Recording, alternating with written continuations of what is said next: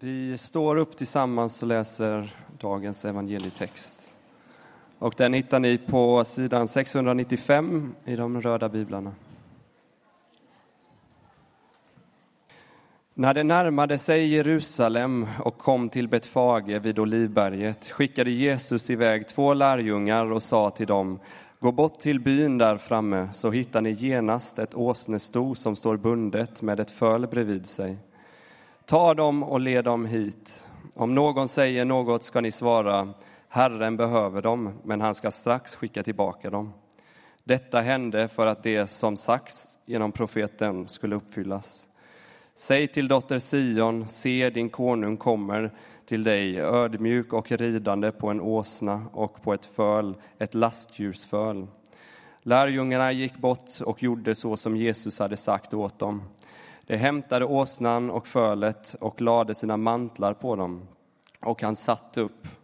Många i folkmassan bredde ut sina mantlar på vägen och andra skar kvistar från träden och strödde dem på vägen. Och folket, både som gick före och det som följde efter, ropade Hosianna, Davids son, välsignad är han som kommer i Herrens namn, Hosianna i höjden.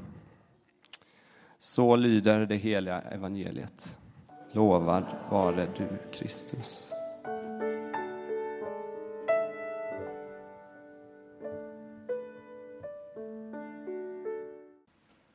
Så ber vi dig, Jesus, att du kommer till oss idag genom ditt ord. Amen. Jag delar Carolins glädje över att se alla här. Eh, det är naturligtvis så att det är något speciellt med första advent. Och jag anar att vi på något sätt vill ta avstamp in i adventstider med en gudstjänst av stämning, av traditionsfyllda adventssånger. Men så kanske en och annan lite kritiskt frågar sig Måste vi läsa den där texten igen och igen när han rider in i Jerusalem? Alltså finns det ingenting mer att säga en dag som denna? Och det finns ju mycket att säga, men den här texten har sina poänger. Och jag vill sätta den idag i ett sammanhang. I ett historiskt sammanhang som pekar både bakåt och framåt. Och jag vill knyta an till söndagar som precis har varit. Och det kan ju tyckas vara märkligt. För i och med idag så startar vi ju ett nytt år. Ett nytt kyrkoår. Men kyrkans år startar just med slutet på det förra. Och bara där finns ju kanske någonting att lära sig i sitt liv. Att leva utifrån slutet. För vi har haft ett par söndagar som har handlat om avslutningen på historien. Ni som var med för två veckor sedan vet att jag talade om vaksamhet och väntan inför att han ska komma en dag. Och då läste vi gamla texter ifrån Jesaja som talade om en jord som var utsliten. Som var vissnad. Därför att människor hade överträtt Guds bud.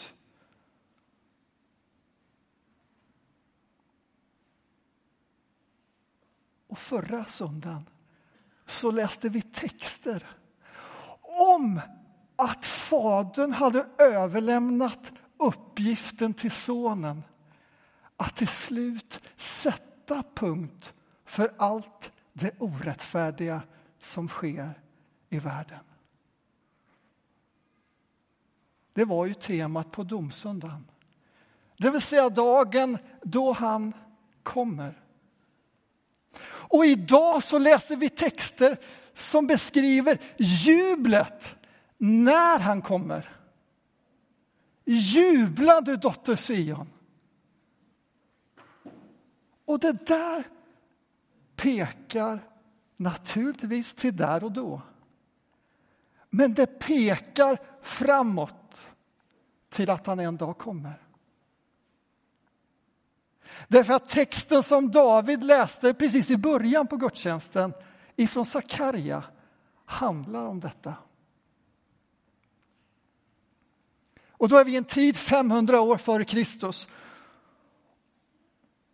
Och Israels land har varit levt i fångenskap. Och så får de återvända från stormakten där de har varit. Och så kommer de till Jerusalem, en stad i ruiner. Och nu kan vi se framför oss ifrån, på nyhetssändningarna på tv städerna kanske runt Syrien i ruiner.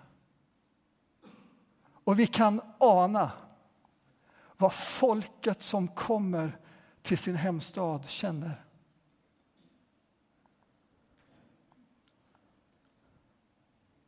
Bland dessa finns Sakarja. Och Sakarja ser ju också ruinerna. Han ser ju också templet som är nerrivet och all den sorg det väcker. Men han hör någonting ifrån himlen som pekar framåt. Detta ropar han ut över ruinerna och människorna som har kommit dit. Jubla, Jerusalem! Jubla för att en konung, din konung, kommer till dig. Segerrik är han och i ringhet kommer han. Och han kommer för att förinta vapnens makt och utbreda fred och frit. Inte bara i denna stad, utan till världens ände. Och vi kan ju ana hur folket som hörde detta bland ruinerna, hur de tog det till sig. Och väntar på att denna konung ska rida in. Men åren går. 500 år. Och vi är framme när Jesus vandrar omkring i sin hemstad Nasaret och där i trakterna runt omkring. Och så sker massor med häftiga saker som väcker uppmärksamhet och, och han får efterföljare, inte bara på nätet, utan i verkligheten, som följer honom. Och så ser de att han en dag vänder sina steg mot Jerusalem. Och då uppstår ju frågan. Är det han? Är det han? Vi måste följa med och se om det är han.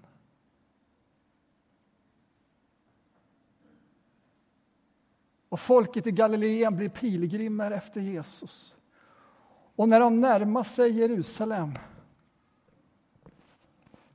och ser honom sätta sig på en åsna så brister jublet ut som Sakarja profeterade om. Yes, det är han! Sakarja-orden ringlar i deras huvuden och de brister ut i ett Hosianna. Hjälp oss, befria oss, vår konung som kommer. Och glädjen och tumulten är stor. Men om vi hade fortsatt att läsa den texten så hade vi hört och märkt att de som bodde i Jerusalem nu kommer ut och undrar vad är det som pågår? Vad är det för uppståndelse? Och de verkar vara lite mer fundersamma. Därför att de ställer sig frågan Vem är han som rider där? Vem är han?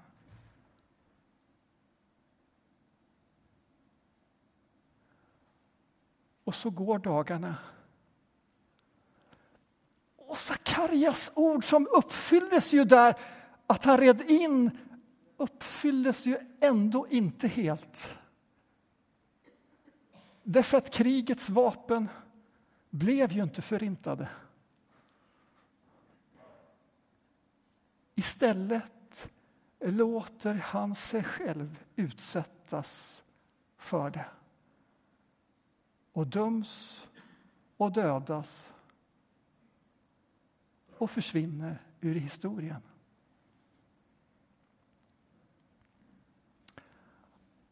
Och nu kanske någon säger, nej Daniel, där har du väl fel. Inte försvinner han väl i historien? Jo, han försvinner ur tid och rum som historien är bunden av. Men i den här söndagens tredje text får vi möta honom i det himmelska. I den texten som finns ifrån Uppenbarelseboken så möter vi, eller snarare är det lärjungen Johannes som får möta Jesus. Och jag vill läsa ifrån kapitel 5 i Uppenbarelseboken. Nu ser han syner in i det himmelska.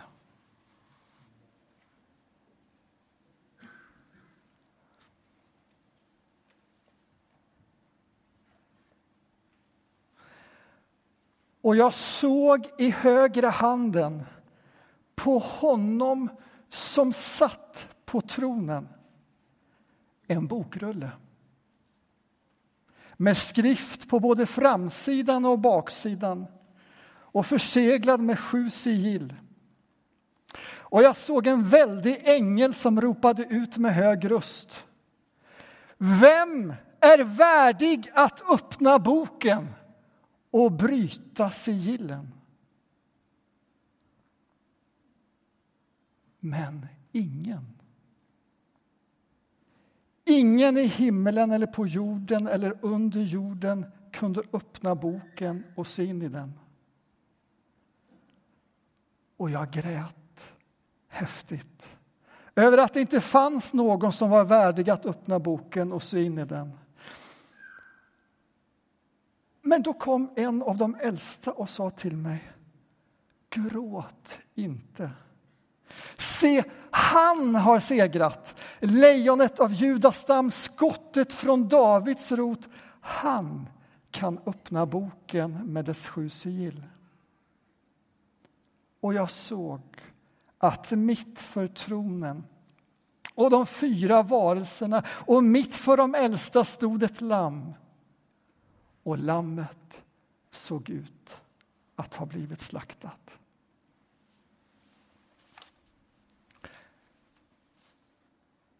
Johannes ser in i det himmelska och ser Gud Fadern själv på tronen hållande en bokrull i sin hand som just är historien. Och I det här fallet så är det framför allt avslutningen på historien som den handlar om. Bokrullen är stängd.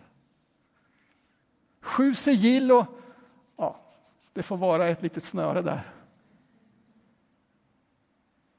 Och det är klart att Johannes, liksom du och jag, är nyfikna på vad står det?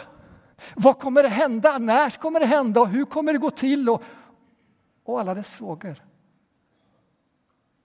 Men det är ju inte den frågan som riktigt ljuder i himlen.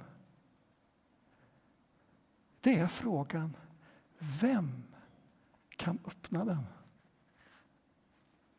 Det är frågan som ljuder från himlen till jorden och under jorden. Därför att den frågan svarar på vem har mandatet? Vem har makten?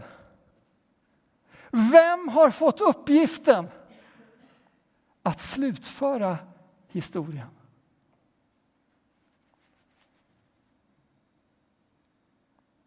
Och trots att historien ligger i Faderns händer så är det tyst.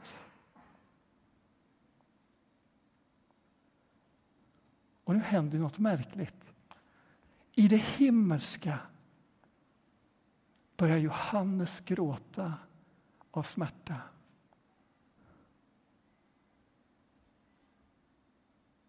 Det är för att dina och mina livsfrågor ryms i hans tårar.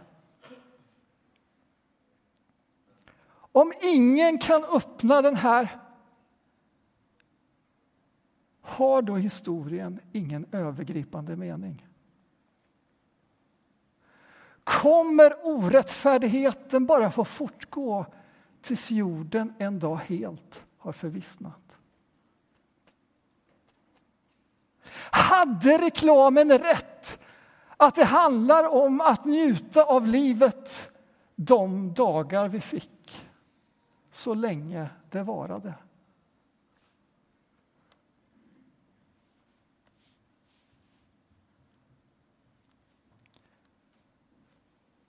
Men så hör Johannes någon som uppmanar honom att titta genom sina tårfyllda ögon. Och vad ser han? Vad ser Johannes? Han ser konungen.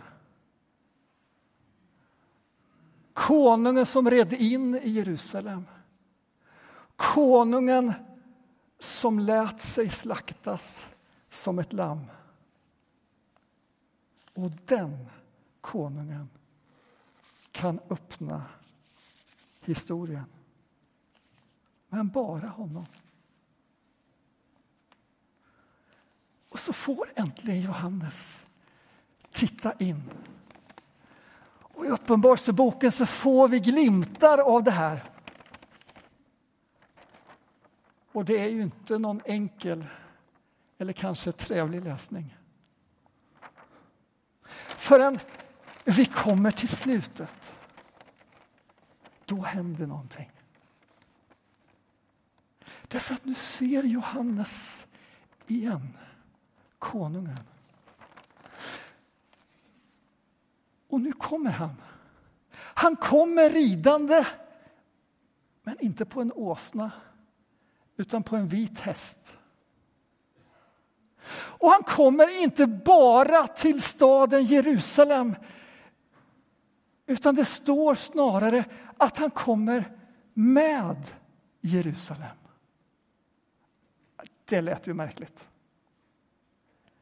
Men där i slutet 1920 på Moseboken kan vi läsa om att han kommer med det himmelska. Med det himmelska Jerusalem. Och nu uppfylls Sakarias profetia fullt ut. Därför att nu kommer vapnen att förintas.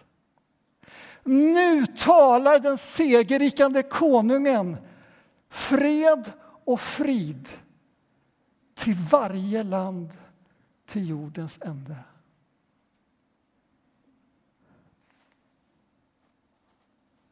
Och nu brister det jublet och vet inga gränser. Därför att nu ska, ska krigsredskapen byggas om till plöjningsredskap istället. Varför? Ja, kriget är slut och marken är inte längre sliten och vissnad utan ska brukas.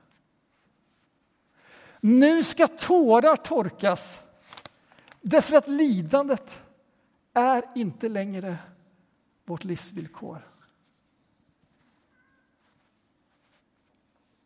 Det är denna glädje som Sakarja talar om som fylls på gatan utanför Jerusalem. och som en dag kommer uppfylla hela skapelsen när han kommer. Och det är detta perspektiv som du och jag möts av här i första advent. När vi förbereder oss för att fira att han har kommit. Rakt in i dina och mina frågor. Hur ska vi leva? Hur ska vi handla och konsumera? Hur ska vi hålla ihop en värld som spretar allt mer? Och kanske inte minst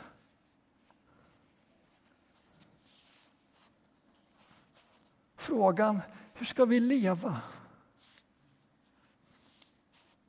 Och när vi hör röster som säger det spelar ingen roll. Vad spelar ditt och mitt liv för roll? Det är bara obetydliga droppar i ett stort hav. Då kan kyrkan säga, som lever utifrån slutet. Det spelar all världens roll. Varje liten handling för en bättre värld, varje liten droppe av kärlek spelar roll. Därför att den pekar framåt mot han som kommer. Och detta får vi jubla och glädjas över idag. Och framför allt får du och jag avslutningsvis ställa oss frågan som Jerusalems invånare ställde. Och den är kanske inte i första hand hur ska jag leva? Utan vem är han? Vem är han i historien? Och vem är han i ditt och mitt liv? Och i den här adventstyngda eller fyllda gudstjänsten får vi alla möjligheter att gensvara på det. Amen.